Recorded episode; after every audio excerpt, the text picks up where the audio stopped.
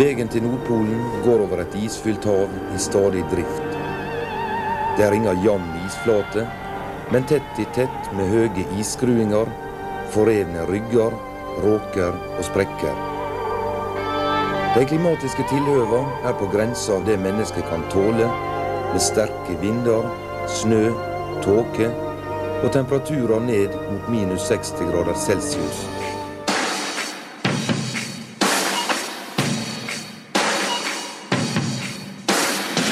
Du lytter til Tut Alexander Gamme og Lars Ebbesen.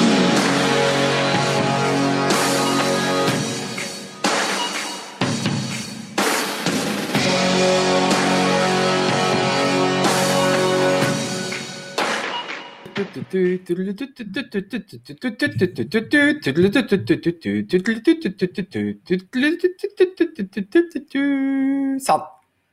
Altså, jeg har jo en dårlig, jeg har en litt sånn dårlig va- uvane med å starte podkastene med å si hurra.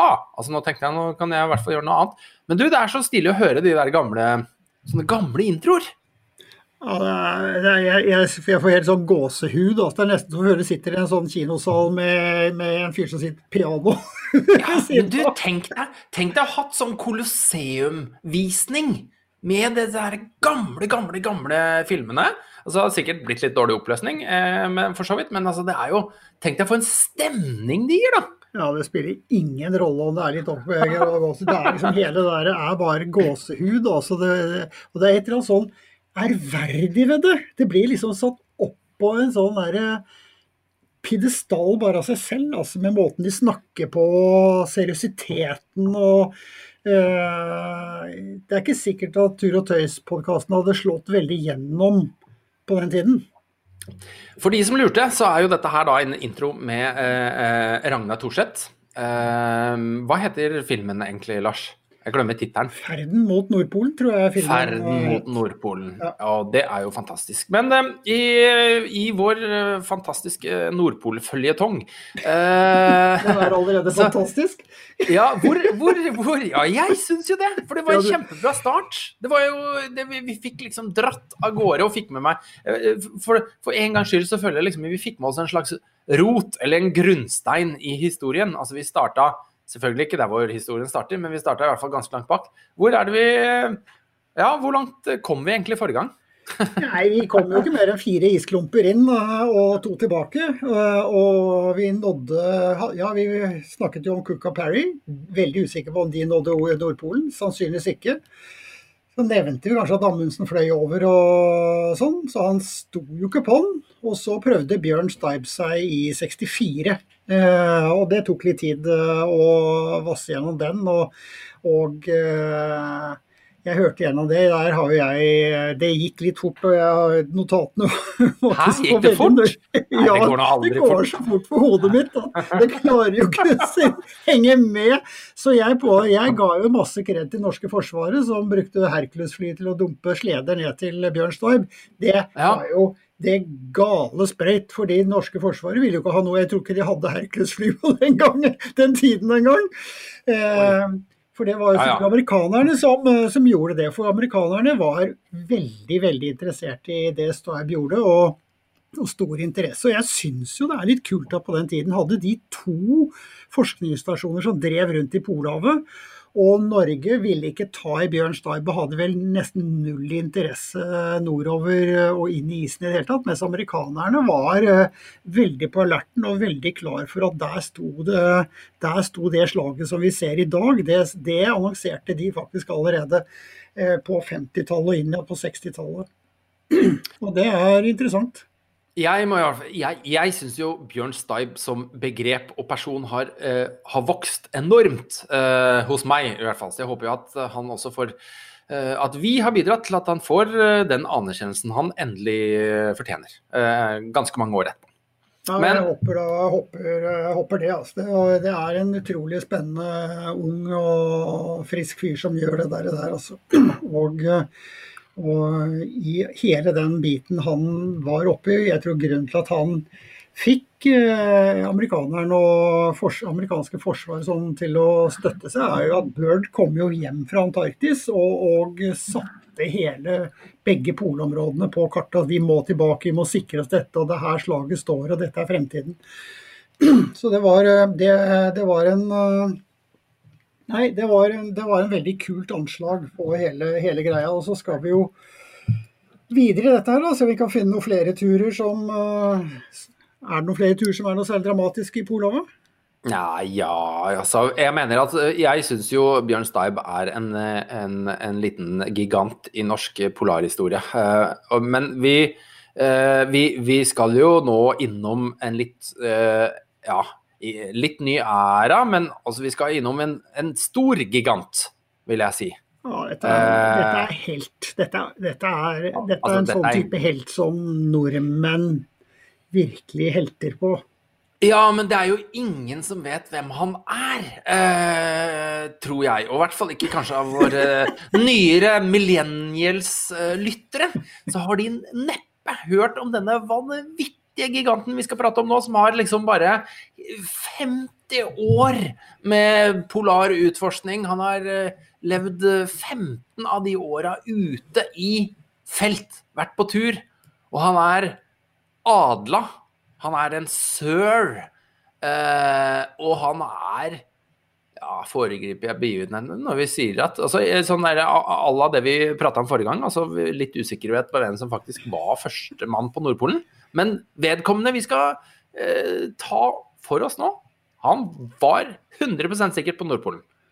Han er temmelig 100% sikkert også førstemann på Nordpolen. Altså. Jeg kan ikke skjønne hvem andre som skal i det hele tatt kunne, eh, kunne med god samvittighet si at det ikke er han. Uh, og eh, ja, hvem, vi, vi, vi husker, husker, vi alle en podkast hvor vi diskuterte hva, hva er en lang tur?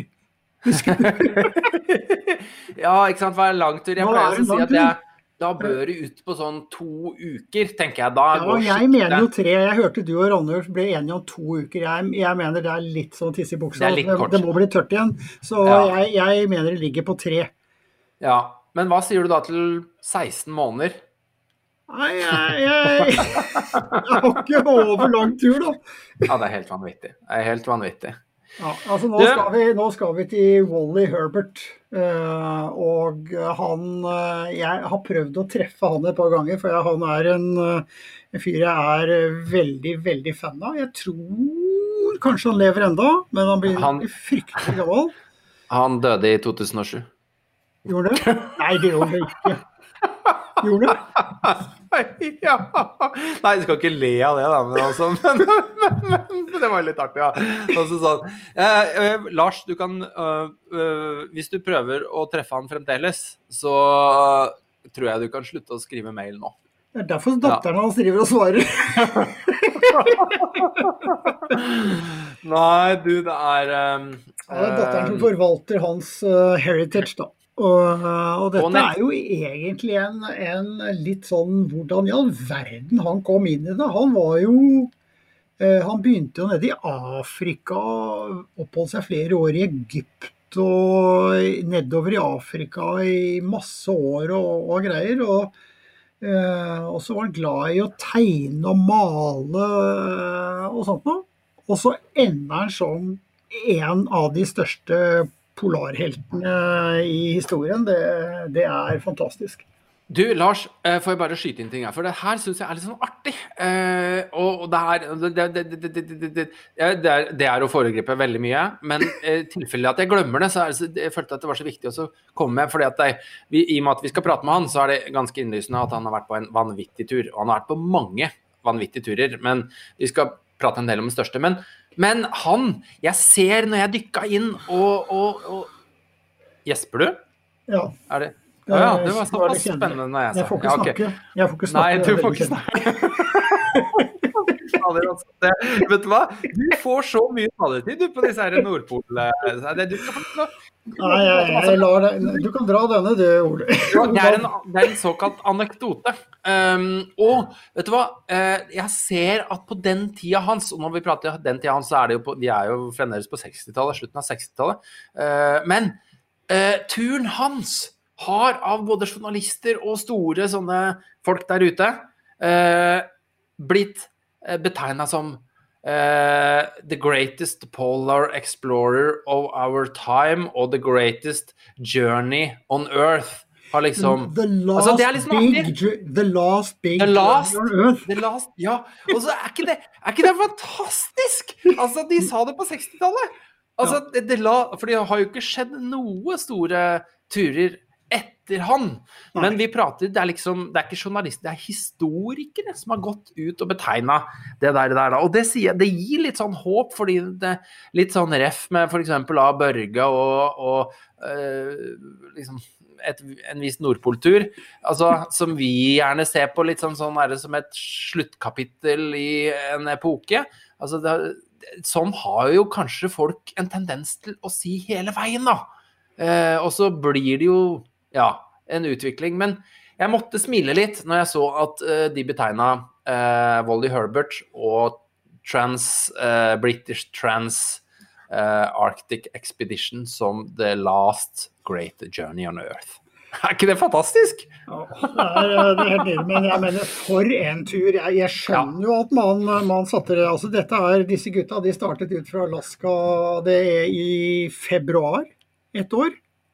Hvilket år? 68, tror jeg.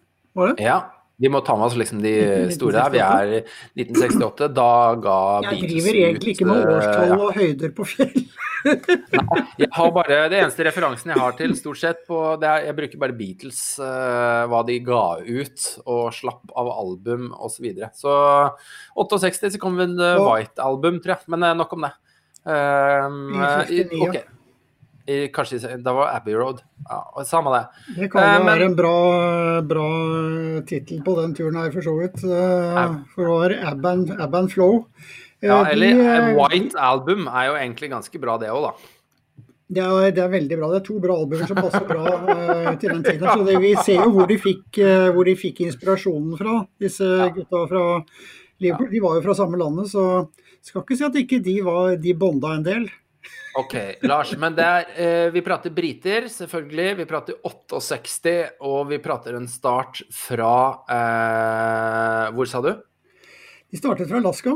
eh, og- Startet fra Alaska. Ja, og skulle gå til, eh, på fots til, eh, til eh, Nordpolen. Eh, Det var ikke noe Børge-løsning på det. Og, og sånn. Det var ikke unsupported under siste. De brukte hunder.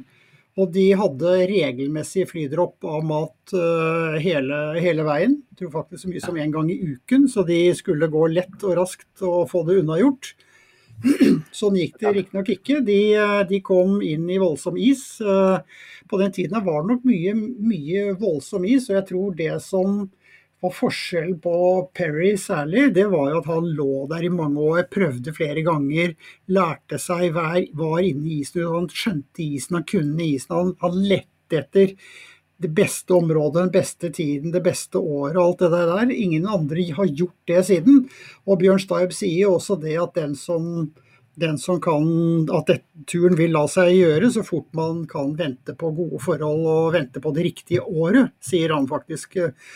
Det gjorde ikke Herbert og co. De, de dro ut, fikk mye tøff is og kom aldri frem til eh, Nordpolen på den sesongen eh, der. Eh, drev av, fikk vanskelig is og føyk i alle retninger. Og så måtte de bare slå camp, som de sier.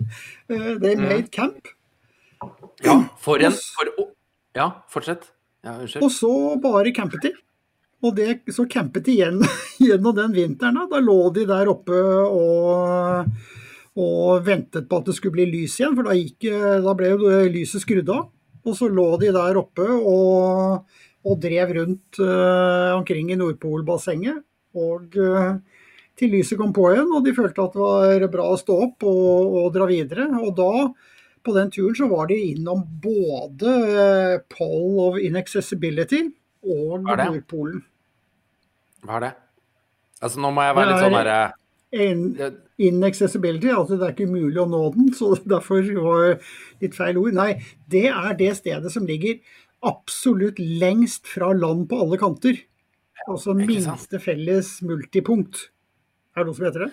Neppe. Uh, men... men men det er ikke sikkert at alle i sånn Av alle våre lyttere skjønner hva POI er i ordets eh, Eller betegnelsens eh, forkortelsesforstand. Så det er derfor jeg tenker nå skulle jeg være litt sånn Ja, så forklare hva det er. Altså lengst Ikke sant? Han var, de, var innom, de var innom det punktet. nå var, du det som jeg nå var du veldig flink som drar inn forkortelse og greier. Altså. Dette ble på et veldig høyt nivå. Ja, men jeg har sett at det har vært sånne forkortelser. Og det er jo det er ganske nerdete å drive med sånne Altså sånn når du har forkortelser for de ulike polbetegnelsene. Ja. Eh, fordi dette gjelder jo også i Antarktis, ikke sant. At du er og det mest utilgjengelige punktet, eller det er jo det som er lengst unna alt annet mye rart. da. Og det, jeg vil jo si at du har liksom da tre typer. altså Du har jo, du har jo det geografiske, og så har du det magnetiske. Eh, Nordpol, som ligger jo eh, ja, som for så vidt beveger seg, men så, som er jo veldig langt unna. Men så er liksom den tredje, og det er da det begynner å bli ganske nerdete. altså sånn, Hvor skal du, hvor skal du eh, i påskeferien? Jo, skal til Pole of Inaccessibility, uh, Nordpolen. Altså, det, er, det er ikke liksom Det er ikke Ja. Det er, ikke, det er den tredje mest staspolen. Og det er derfor jeg syns det var litt interessant at de faktisk Var det tilfeldig, tror du, eller var det et bestemt mål? Nei, jeg har ikke noen følelse de, Engelskmenn er veldig flinke til å la ting være en selvfølgelighet når de gjør det. Eh, Kanskje de bare drifta rundt, og så, og så fant de ut at å, her må vi jo være på en poll of inaccessibility. Så da, da tikker vi av det. For jeg synes, det, Så langt som jeg har liksom dykka inn i det, så, så var jo dette her en tur hvor de sikta mot liksom også ta opp igjen arven og momentet med polarhistoriske turer. Og når du ser på bildene, så er det jo Det kunne jo ha vært det er nesten som å se Scott og Amundsen. Altså, jeg syns jo alt ser helt likt ut. Eh, kanskje, kanskje liksom en, det er en, en, en dynejakke, eller et eller annet sånt som ikke er liksom helt på Amundsens tid, men sleder altså Det er liksom svart-hvitt-bilder, det er kassene, det er liksom Looken er veldig gammel. Så det er liksom Jeg, det er liksom nesten, jeg føler at det er nesten en sånn krasj med sånn Paul og inaccessibility. Det er sånn man har kommet på i etterkant som, fordi at det ikke er så mye mer å ta av. Men OK. Eh, Dunk på. De overvintrer på isen. overvintrer som en del av turen for å være De skal frem. Og det der, der vi, denne skal vi ha, det er jo jeg er veldig, Jeg er veldig imponert. altså Det sier litt om at eh, mens Staib eh, måtte gå til utlandet og tigge om penger og var eh, nesten i kne, så, så kaster de penger etter Wally Herbert, som har én flymaskin i uken som flyr ut og dumper ting. Men allikevel, det der, der Nei, gutter, vi kommer ikke frem. Da er det bare å legge seg til å hvile litt, og så tar vi det neste år. Det, det er veldig, veldig flott. Og det som jo er Wally Herbert, er jo at han er jo en gigant på disse store, nye turene. Altså han, han, han gjorde jo bare sånne banebrytende, svære ting både på Grønland og Vestpassasjen, tror jeg. Og han var Ja, i Antarktis og, og gjorde ja, ja. en vanvittig tur, hvor han da altså ja. Nei, og, øh, unnskyld, øh, jeg er fæl til å avbryte. Men jeg tenker at her er sånne bra moment, fordi mens, mens de nå overvintrer på isen i Arktis, altså da skjer det jo, da vet man, da skjer det jo ikke så veldig mye, så kan vi jo hoppe til Antarktis og fortelle om hva Wally Horbert gjør der, mens, altså sånn, før, er ikke det litt sånn øh, mens de ligger og sover. storytellingsmoment. Fordi det er jo liksom ikke Det er, det er ikke småtteri han drev på og tulla med nede i Antarktis. Det er vanvittig lange Han tok jo vanvittig lange turer be, be, bestandig, og den i Antarktis var jo eh, enormt lang, den også. Og da gikk han jo faktisk inn og eh, og gikk opp Skottbreen og opp på platået. Og så ble han nektet å besøke Ja. Sydpolen. Å? Fikk ikke lov til å dra til Sydpolen. Da bare brakk han rundt, og så var han bortover mot uh, Aksel Heiberg og den biten. Gikk Aksel Heiberg, var på Nansen, man, uh, Nansenfjellet som den første, og uh, tura rundt. Så alle, når vi, vi nordmenn skal liksom Ja, vi skal prøve å gjøre noe nytt, og Amundsens greie, så er det sånn Hva er den prikkete linjen der? Wally Herbert. Og han er overalt! Fyren er bare helt uvirkelig, altså, hva, han, hva han har gjort og hvor han har vært. Det, det er, er fantastisk. Men jeg har jo også eh, streifa bare over, og det sto jo ikke noe mer sånn dyptpløyende om det, men han har også liksom vært med og kartlagt mye av dronning Maud land. Ja, ja. Og der har jeg jo dykka inn tidligere, men jeg kan ikke huske liksom jeg har sett Men, men fordi der var det jo De fløy jo over og tok disse legendariske eh, flyfotoene som eh, som har jo blitt brukt helt opp til Ivar Tollefsens uh, turer, uh, og, og, vært liksom et referansegrunnlag. Men jeg har liksom ikke, det har jeg ikke fått med meg. Men han hadde tydeligvis da uh, rota seg en tur innom Dronning Maud-land, og drev jo og styra der også. Det er, jo helt, det er jo helt rått. Vi er på 60-tallet, liksom. Ja, det er helt fantastisk. Og det er lange, lange turer også. Så det, fyren er en gigant. Men de våknet jo da opp igjen og begynte å gå. Var da innom uh, POI, som det nå heter, som alle vet hva er. POI. POI ja. og, og, selve geografiske Nordpolen. Og så, og så dro de til Spitsbergen. Ja. Det er jo ganske kult å avslutte uh, den. Det er ikke mange ekspedisjoner som har uh, endt, opp, uh, endt opp der.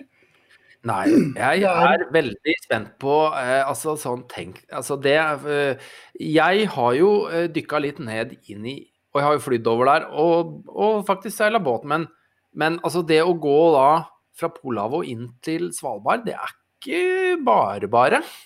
Det er mye is. Veldig sjelden det ligger is helt eh, ned på spissen der når du trenger den. Ja. Og det er en tur med Audun eh, Tolvsen og Timo Palo, som vi skal snakke om senere, som, som gikk i land på, på, Svalbard. Det er faktisk den eneste turen jeg kjenner til som har fått til det. Da, da, da Odd Harald og noen kompiser jeg gikk fra Svalbard fra nord til sør eh, i 92-93 eller han sånt nå, så, eh, så skulle vi tisse i havet på, på oppe i nord der. Det var mye vann der, så det var liksom ikke noe sånn Og det var det året Børge skulle gå, gå over til Svalbard uh, og for, med isbake som brakk opp og hele pakka. Så det er ikke lett å få til det. og Det er bare de to jeg kjenner til som har fått til det på en, på en ryddig måte. Som jeg, ja. som jeg, vet om, faktisk. Men de kom da til Svalbard og, og uh, hadde da gjort en tur som var bare 467 dager på tur. Ja. Det, det, er uendelig lenge, altså. Ja, men du kan altså For å stykke det litt opp, altså sånn Ja, 16 eh, måneder eh, på tur, 6000 km tilbakelagt osv. Eh, men de hadde en god lunsjpause, da, vil jeg si. Altså, det var jo den der overvintringa. Det er ganske interessant, fordi at med deres utstyr Altså, det var jo tydeligvis bra, men det er jo relativt kjølig. Det er relativt mørkt, men antageligvis så lå de på forholdsvis trygg is. Tror du det? Ja, jeg tror helt sikkert det. Du finner, jo, du finner jo selv en dag i dag, selv om det ikke er så mye lenger, så finner du jo is som er flere år gammel. Og de fant sikkert is som Det var mye mindre drift den gangen og mye mer gammel is, og de fant seg sikkert et godt gammelt isflak som var eh, kanonstøtt. Og så, og så, campet de på, på det, eh, og lå sikkert veldig trygt der. Og de fikk sikkert dumpet ned både flares og lys og hele greia, så de hadde en ålreit. Men allikevel, det er, det er tøft. Og det var vel første eh, overvintring eh, av en liten ekspedisjon sånn. Før det så hadde man disse disse forskningsstasjonene som ble bygget opp på isflak, og som drev rundt der, sånn som vi snakket om i forrige, forrige episode, med med T3 øh, og Arlis 2, øh, som var, drev rundt i mange år med en flystripe og antenner og telt og små kassebygninger og, og sånt noe. Så det, det, var vel første sånn eh, ja, campingturen i Polhavet på, på vinteren.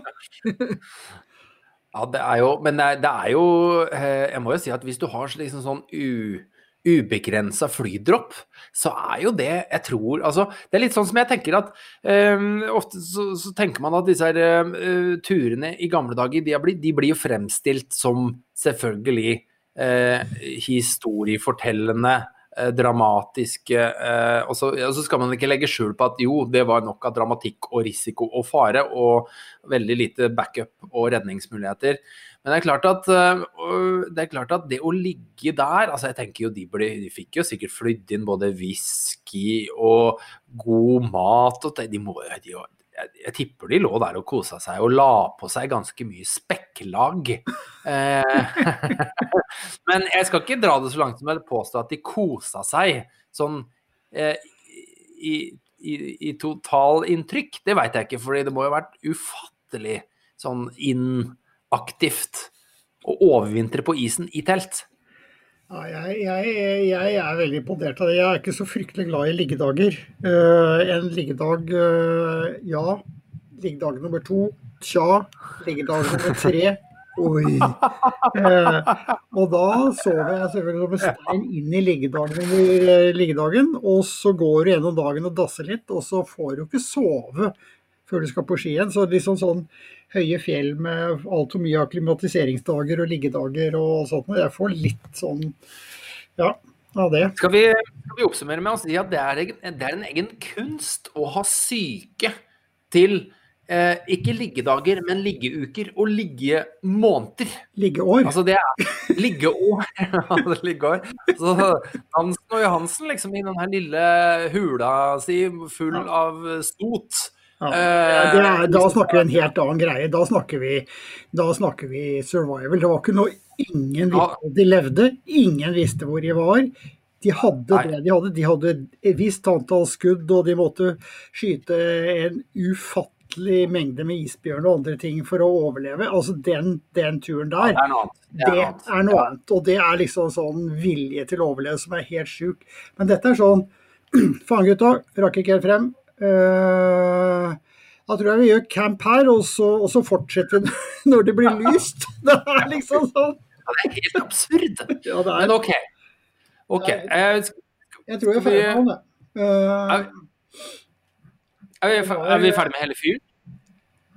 Med Wally Herbert? Ja. Er vi ferdig med hele fyren? Ja, er vi ikke det?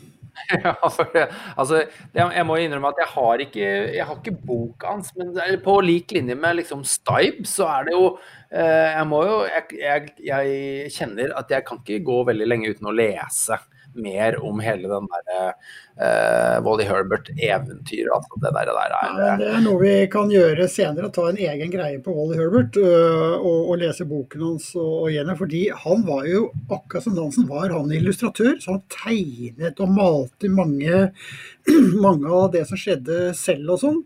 Har gjort noen aldeles nydelige illustrasjoner som jeg fryktelig gjerne skulle hatt, faktisk. Så, så dette er en fyr, en allsidig fyr på, på alle plan. Så vi kan dykke ned i han eh, ved en senere anledning. For vi, vi, vi skal gjennom flere engelskmenn, og det tar jo litt tid, for det er jo alltid to sider ved en engelskmann.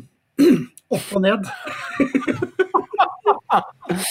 Ja, men det er bra. Du, da, eh, da uh, legger vi han til side. Vi hopper videre i kronologien. Vi, vi er jo fremdeles på 60-tallet. Altså, skal vi komme oss Skal vi hoppe Hvor hopper vi? Nei, Vi hopper litt over 70-tallet eh, og inn på 80-tallet. og Da er det en ny engelskmann som jo er en norsk kjenning, Ranulf Fiends. Aha. Også en må vi jo si en eh, gigant og en legende. Eh, det vil jeg si. Det, han er jo Vi altså vi nordmenn, vi er jo sånn at vi, vi er jo vi, vi, løser verden litt ut fra langrennssporet.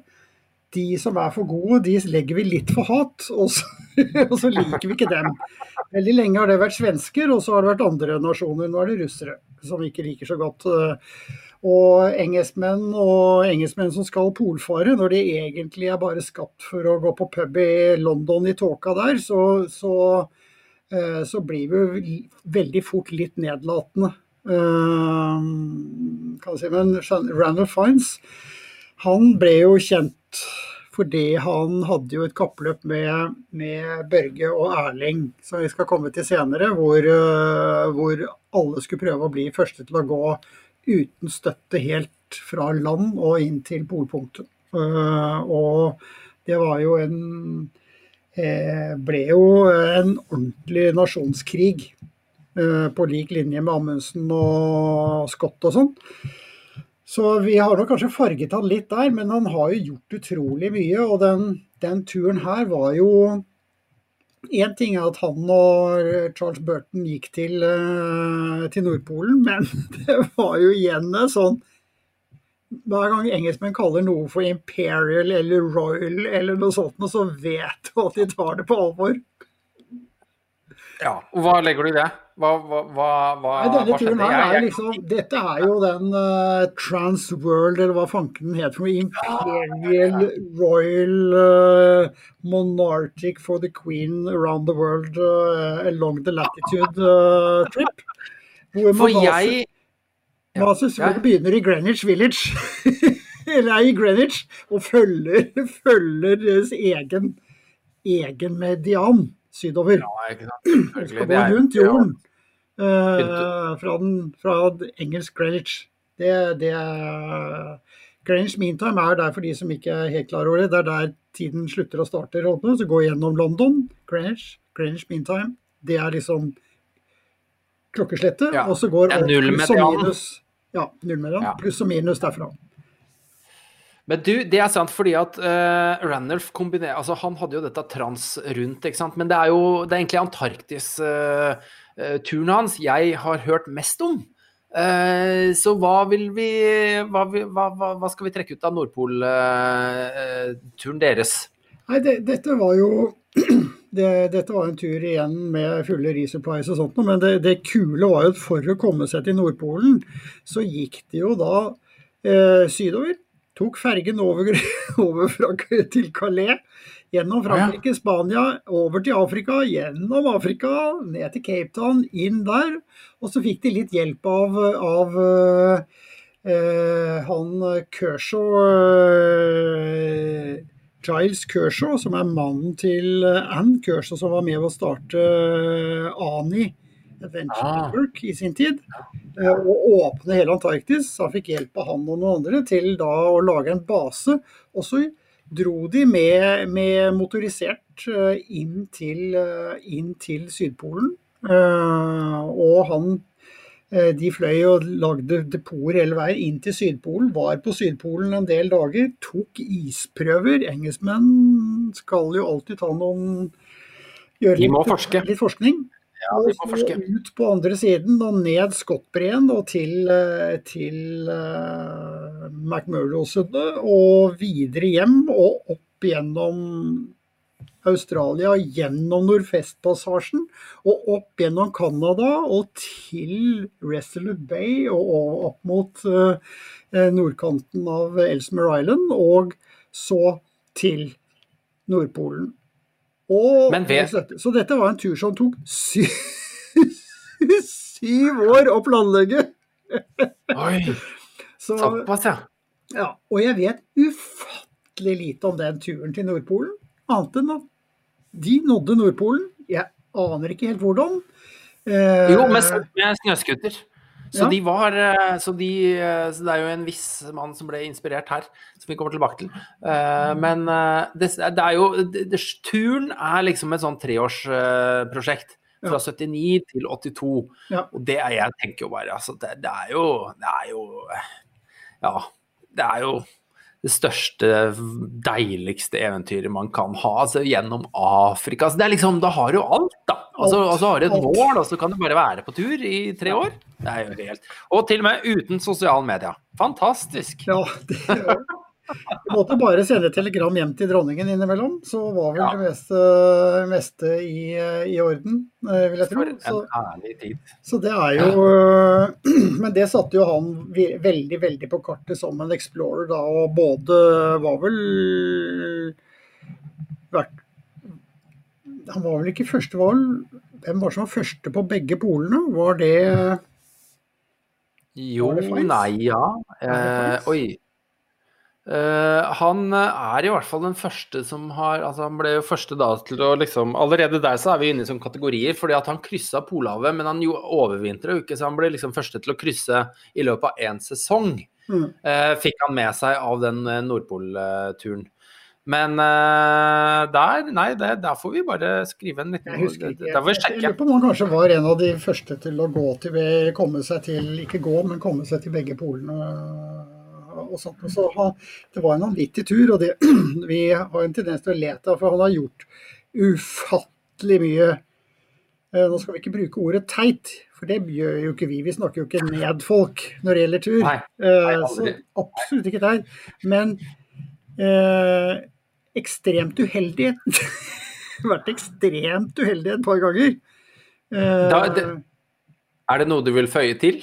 Altså, det her er, det her eh, er sånn Nei, men altså, A han, og B. man, man tenker Ja. på den turen til Erling og Børge som vi skal snakke om eh, Ja. senere, eh, hvordan de da ikke kom frem og ble fløyet ut. og Han eh, prøvde senere og kom ikke frem. og husker på 80-tallet, da var han innom oss, Sjur og meg i Hvitserk og skulle kjøpe noen støvler og snøre litt på om vi hadde noen gode tips til den og sånt noe. Og hørte vi ikke noe mer fra han, og dro av gårde dro han. og vi regnet med at han da skulle prøve å gå frem og tilbake. og ut fra Ward Hunt så etter de første timene så klarte han å gå i en råk og klarte å redde seg opp og tilbake. Og vi bare er det mulig å, å bryte på første dagen? Men engelskmenn er ikke så gode til å huske hvilken dag og når de brøt på, så han, eh, det ble bare at han falt i en råk, og da, måtte, da ble hendene hans våte, så han fikk frostskader og klarte å overleve, eh, ble det. Og jeg tenkte, hvordan, hvordan skal han klare å komme ut av dette? Men for en engelskmann, ikke noe problem. Artikkel, stor artikkel i engelsk medier. Half an hour from death. Halvtime fra døden! Det står ikke 'half an hour from shore'. ja, ikke sant. Ja, han skrev om Shore. Han syntes ikke det lød, så byttet han ut det med death, med død. Eh, Så det var jo enormt. Og senere så hadde han jo en sånn, den tror jeg vi snakket om, han skulle lage første til å gå til Sydpolen på vinterstid. Da fikk han selvfølgelig også frostskader i løpet av eh, noen timer og ble fløyet tilbake. Og turen det ble bare tull, det altså. Så han forbindelse Men han har jo liksom Han har tross alt Jeg tror han har klatret Seven Summits. Han har vært på Everest eh, to ganger, tror jeg. Han har hatt bl.a. den eldste engelskmannen til å klatre Everest. Han har tatt nordveggen på Eiger og, og sånt noe. Og han har hatt hjerteoperasjoner og greier, og jeg tror et halvt år etter en sånn bypass-operasjon eller noe, så ble han lurt med til å løpe. det er bare sånn heroisk at det går jo ikke an. Da, da, på den tiden så var det noe som het 7 by 7 by 7, som er 7 ganger 7 ganger 7. Eh, Og det var syv maratonløp på syv dager på syv kontinenter. 777. Så da løp han altså syv maratonløp på syv dager i syv kontinenter. Et halvt Ja, år an. etter en hjerteoperasjon. Og, og, og selv han var såpass ydmyk at han mente at det, det, var ikke, det, var, det var ikke særlig lurt. Men han har jo både styrke og gjort ting som, som er rått. Og han og Stout var vel de første som krysset det antarktiske kontinentet eh, for eh, unsupported unassisted. Selv om de aldri kom helt frem dit de ville, så, så gjorde de det og, på 97 dager og sånn. Så han har gjort voldsomme ting. Sterk. Det, det er jo eh, Det er jo Han er jo også adlet. Han er også en sir, ikke sant? Så det, det sier jo litt hvordan det britiske samveldet eh, og dronningen adler de som har vært ute og satt eh, det britiske flagg på, på kartet. Altså, hvorfor er ikke liksom Hvorfor får ikke altså, det, det, Tenk deg sør, sør Børge Ausland. Nei, vi har jo ikke sånn adling i Norge. Det blir vi har slutt ikke en det. Jeg tror, jeg tror vi lever veldig godt med ikke for mange sånne titler. At du kan få en orden. Eh, Hvilken, eh, hvilken tittel ville du hatt, eh, Lars? Hvis jeg liksom skulle ha Svenskene har jo pusha det mye lenger med sånn adling, med fare for å spore av hele Nordpol-greiene. Men altså, ville du vært en baron? Baron Lars? ba- Baron, baron, eh, greve eh, Greve! Tror jeg er count. Jeg ville vært noe sånn litt mer fransk. eh, count Eberen. eh. Nei, vet du hva, jeg, jeg, det der, jeg får helt fnatt av det. Det der det, det svenskene driver med på at de ikke har avvikla hele det der adelskapet sitt, det syns jeg er Én ting er kongehus. Jeg kan leve med et kongehus. Eh, det er for et lite land å kunne ha noe som faktisk verden kan kjenne igjen år etter år, istedenfor forskjellige rare presidenter som ingen husker, så tror jeg det er en Å, hei sann! Der, eh, der ble vi Der ble vi brutt. Vi ble sensurert. Skikkelig Borte ble det, gitt. Borte ble det litt. Det var antageligvis noen, eh, kanskje kjære gud internett, ikke likte at vi dissa så veldig disse, dette adler, eh, ad, adleriet. Eh, så skal vi komme oss videre, Lars? Ja, kanskje like greit at vi ikke kom til at vi ikke dratt den helt ut det med adelskap. Uh, Nei. kan tenke vi skal både til Sverige og England etter hvert. Uh, bare ting løser seg opp etter denne pandemien. Såpass, ja. Ja, ja, ja. Men uh, skal vi ta turen i ta, Komme oss videre med uh, sistemann, eller nestemann, uh, på lista, som er jo vår alles kjære Ragnar Thorseth. Ja, fantastisk! Når prater vi? Ja, vi, vi, vi Ja, når prater vi? Det er utrolig at det da har gått helt til eh, 1982, faktisk. Eh, Hvor, eh, hvor eh, Ragnar Thorseth eh, og Trygve Berge og Fortun og eh, en, en lokal inuitt eh, kommer seg til Nordpolen og blir første nordmenn som kommer seg over isen til Nordpolen. Står på Nordpolen. Men dette var jo ehm, Dette var jo var det, det var, ikke, var det samme sesong som Randall Fines? Altså i og med at det var 82, eller var det, var det året etterpå? Nei, det var, eh, det var det året hvor Ransfalds endte opp på Nordpolen.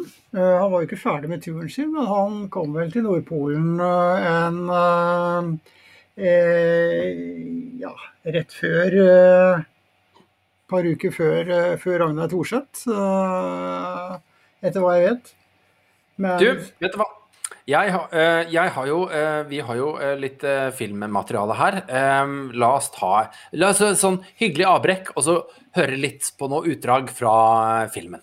De store vanskene med høye skrugarder, pressrygger og landskruinger regna vi først med å møte da vi kom ut av Nansensundet og skulle sette kursen rett mot nord og ut i det alltid levende ishavet.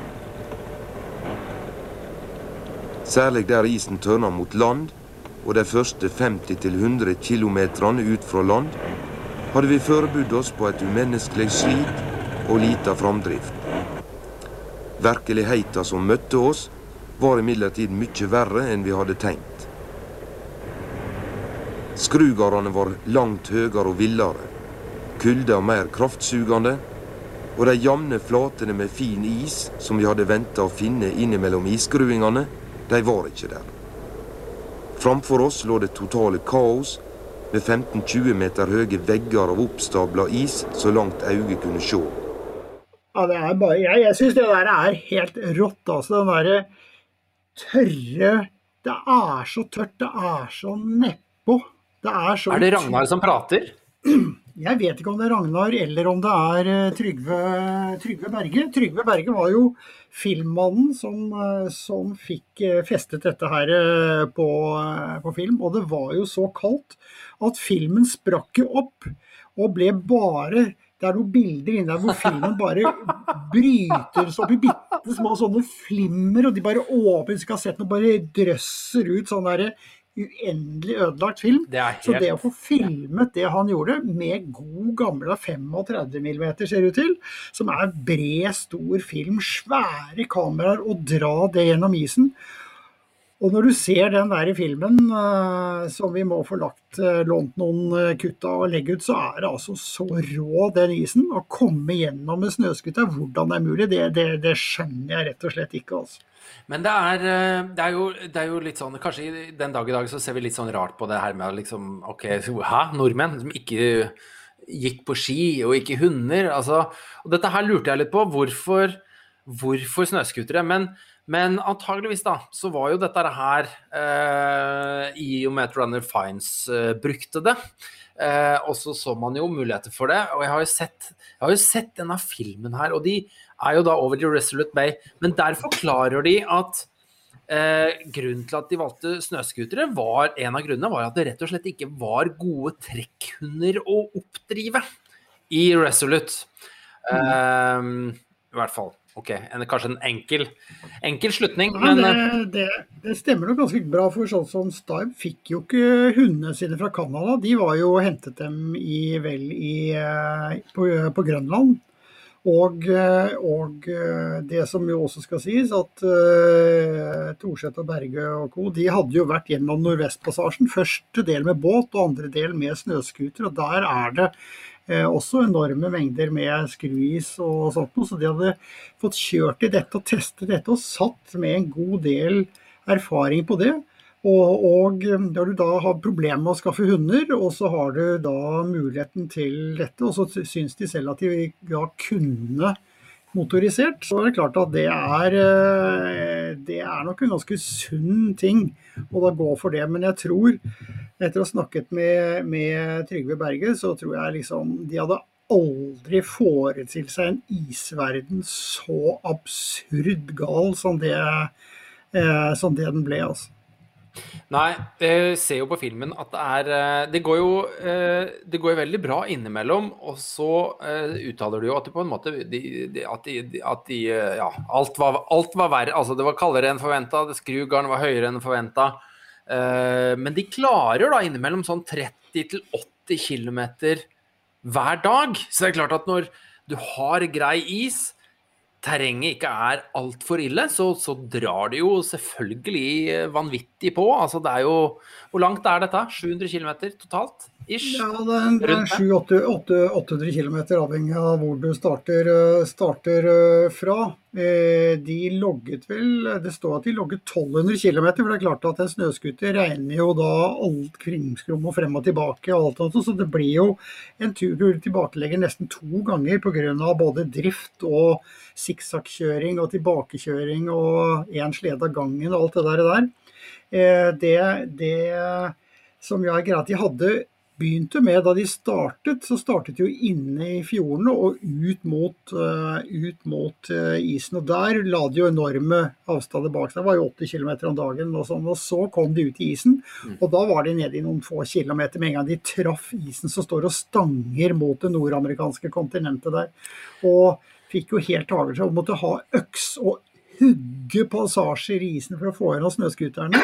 Og de måtte løfte det og trekke dem over. Når de ikke fikk det til, måtte de spenne fast seletøy og dra scooteren opp. Og Trygve Berge fortalte at de hadde metaller som de kunne trekke scooterne opp de verste skrugarnene og låre dem ned på andre siden og sånt. Så jeg tror dette her var et avsindig slit som det er nesten vanskelig for med en gang vi nordmenn tenker, eh, tenker snøscooter og motorsykkel. Tenker å, hva jeg sitter der og fyke av av sted, liksom. Ja. Dette var langt fra dette. var et fysisk helvete som var helt uh, uvirkelig. Og sleder gikk i stykker måtte repareres, og de måtte ha De fikk jo da, som jeg allerede kom litt tidlig i forrige episode, så fikk de jo dropp med ekstra slede fra en Hercules-fly som uh, fløy over dem og slapp ned uh, det. Og hele den, den måten de fikk de deler på, var, var ekstremt imponerende, altså. Eh, De hadde, de hadde sleder på 700 kilo, mener jeg at han sier, eh, bak Mm. skuterne. Altså, eh, jeg må jo si at, altså, at det tydeligvis ikke var mer scootertrøbbel, sier jo litt om sånn maskineri og kulde, og at dette, eh, de hadde tydeligvis gjort en sabla god jobb med å tilpasse og kjøre inn og ha kontroll på det maskinelle og motor, eh, altså sånne ting som jeg ikke har peiling på, men det er jo, det, er som du sier da, når først ting drar seg på, så har du ikke bare pulk du skal trekke etter deg, du har jo selve motoren som du skal dra med deg. Altså det å talje seg igjennom og hakke seg gjennom, da det er greit at du får ekstra bonus med å ha en scooter på det snille områdene, men du får jo 100 ganger rødt kort når det virkelig drar seg til. Altså, det er jo ikke noe En pulk, en pulk liksom, den kan du klare å dra deg gjennom det meste, eh, til tross for at den veier 150 kilo. Altså, du får liksom Du kommer deg gjennom, men en, men en, men en, en scooter trenger du ikke å være å få av flekken. Det er som du sier, da må du hogge deg gjennom. De, de sier jo i filmen at det er 40-50 kuldegrader, men de svettet som aldri før. ja, kan du tenke deg? Du må ha på skutedress og varme ting, ikke sant? og så er det så kaldt. Det må ha vært så ufattelig vanskelig å balansere alt det greiene der, altså. Men de var de, eh, Nå er jo Ragnar Thorseth eh, en fyr som kommer til å leve evig i, i Norge på alt han har gjort. Både, både rodd eh, over store havstrekk alene, og han har jo seilt over Atlanteren Saga Siglar. med Saga Siglar og ja, ja. sånt. Og, ut, og kom han ikke til Australia med det og greier? ikke sant? Helt uvirkelige eh, ting. Og, og seile, seile vikingskip, det er liksom sånn Å, så kult, liksom. Det er ikke kult i det hele tatt. Det er så vanskelig. En, eh, en jeg gikk på Grønland med som het Planke, hans bror, Sverre Planke, hans bror, han hadde den første, første vikingskip som kullseilte på 1000 år, eh, og gikk rett ned. Det var fordi det var så vanskelig å balansere disse ranke øh, farkostene med store, tunge seil. Og i den tid var jo seilene av ull, liksom, for de hadde jo ikke noe, jo ikke noe sånne lette seil. Sånn, så ull som var da eh, kåta slik at det ikke skulle trekke seg mer vann nødvendig. Kan tenke deg hvis det regnet og det ble tungt og tung mast og. Det var uvirkelig vanskelig. og og Ragnhild seiler da enorme tapper med dette her i storm. altså. Fyren er helt ufattelig. Og denne turen her, det er jo Det er en sånn hvor du trenger en mann som har den evnen til å gå forbi der de andre stopper. Altså, det tror jeg denne turen helt klart uh, var. Den var helt, uh, helt rå. De lå lenge, lå lenge, De hadde jo Nordvestpassasjen-tingene sine og erfaringene, men de lå i flere uker og testet og holdt på og flyttet og, og lærte seg og sånt før de dro. Så de, de var, gjorde nok grundig. Jeg dykka litt inn i, i, i, filmen, og der eh, Altså, det er nesten så du, du, leser noe mellom linjene her. For det er klart at uh, når du starter på en sånn tur, så er du eh, selvfølgelig Du kjører safe club, du vil ha tjukk is osv. Så, videre. så er klart at eh, utover i filmen så prater du jo mer om hvordan de vurderer isen. Og du ser at de på en måte Eh, de drar jo en del ganske lange strekk på nyfrosne rocker. Og de sier at to tommer tykkelse, altså det er, et, det er da et minimum. Altså Det er jo ikke mange centimeter, fem centimeter eller et eller annet sånt. Og du ser jo at de gyr på med fart, og med sleder på 700 kilo, Og jeg vet ikke hvor mye de der eh, scooterne med eh, folk Det er ganske tunge laster. Um, men um, men uh, Ja, nei, tydeligvis. Så, så, men, men, så går det jo galt. Altså, det er jo i hvert fall en gang de kjører seg ordentlig. Og det her har de jo bilder av, og det er litt sånn kult. For jeg tenker, det er ikke en, sånn, det er ikke en smartphone de filmer med på den tida. Og, og, og det er ikke lett å fange dramatikken når det skjer det meste av Sony blir jo fortalt liksom etterpå i en eller annen stil. Men da ser du jo bildene hvor en pulk Nei, hvor en scooter har rett og slett gått gjennom isen, men så går den da ikke ned uh, på 4000 meters dyp, for han blir stående på en sånn underis. Da, men han står liksom, ser ut som han står på en knapp meters dybde. Og, og, du kan jo bare tenke deg konsekvensen av det der hvis den hadde gått ned med alt utstyr og, og redning og fy og blitt klissbløt osv. osv. Det er ikke, søren ikke bare bare, altså. Men de, men de, de, de var jo de, de, lå jo lenge og venta. Hva er det som skjedde på isen der? Jo, fy søren. Jeg husker ikke helt hva det var, men om det var bare de skulle etterforske. Men jeg tror det var noe noen, eh, noen nye sleder og reparasjoner og forsyning. Og så skulle det komme inn et fly og bare gi den, og de ligger og venter på det. Og da har de faktisk med seg allerede i 82 en, en GPS. Ja. Ja, ikke en Og- sånn Og det håndholdt, er ikke lett å få i lomma, for den er omtrent 60 cm med sånne som du slår ut antenner og greier, og har en helt svær koffert sjøl. Men de har det, og det gjør at de har relativt nøyaktig kommunikasjon. Da. Eh, dette ville vært umulig å ha med seg på en pulktur, men det har de med seg. Og det gjør at det kommer inn et fly og skal lande, og så klarer det å gå. Da ser du plutselig at det kommer inn, og så plutselig stopper det litt brått i føyka der, og alle er ute og sånn Hei, velkommen, og jøss, hva skjedde? Og sånn. Ja, det går sikkert fint. Så, så har du krasja det flyet. Så propellen er bøyd og understell og greier, så de må få fløyet inn reservedeler. Og da begynte det er derfor det tok såpass lang tid som det gjorde å komme dit. Så de må da vente på reserver som må fløyes inn, og så må de klare å skifte propell og forskjellig på dette her, og så komme av gårde igjen. Og da er det jo langt ute i april. Og da er det derfor de snakker om den isen som begynner å gå ned. fordi selv den gangen så var isen dårlig utover i april og mot, eh, mot sommeren. Det ser du på et par ganske plaskete passasjer her og der innover eh, mot Polen på slutten også.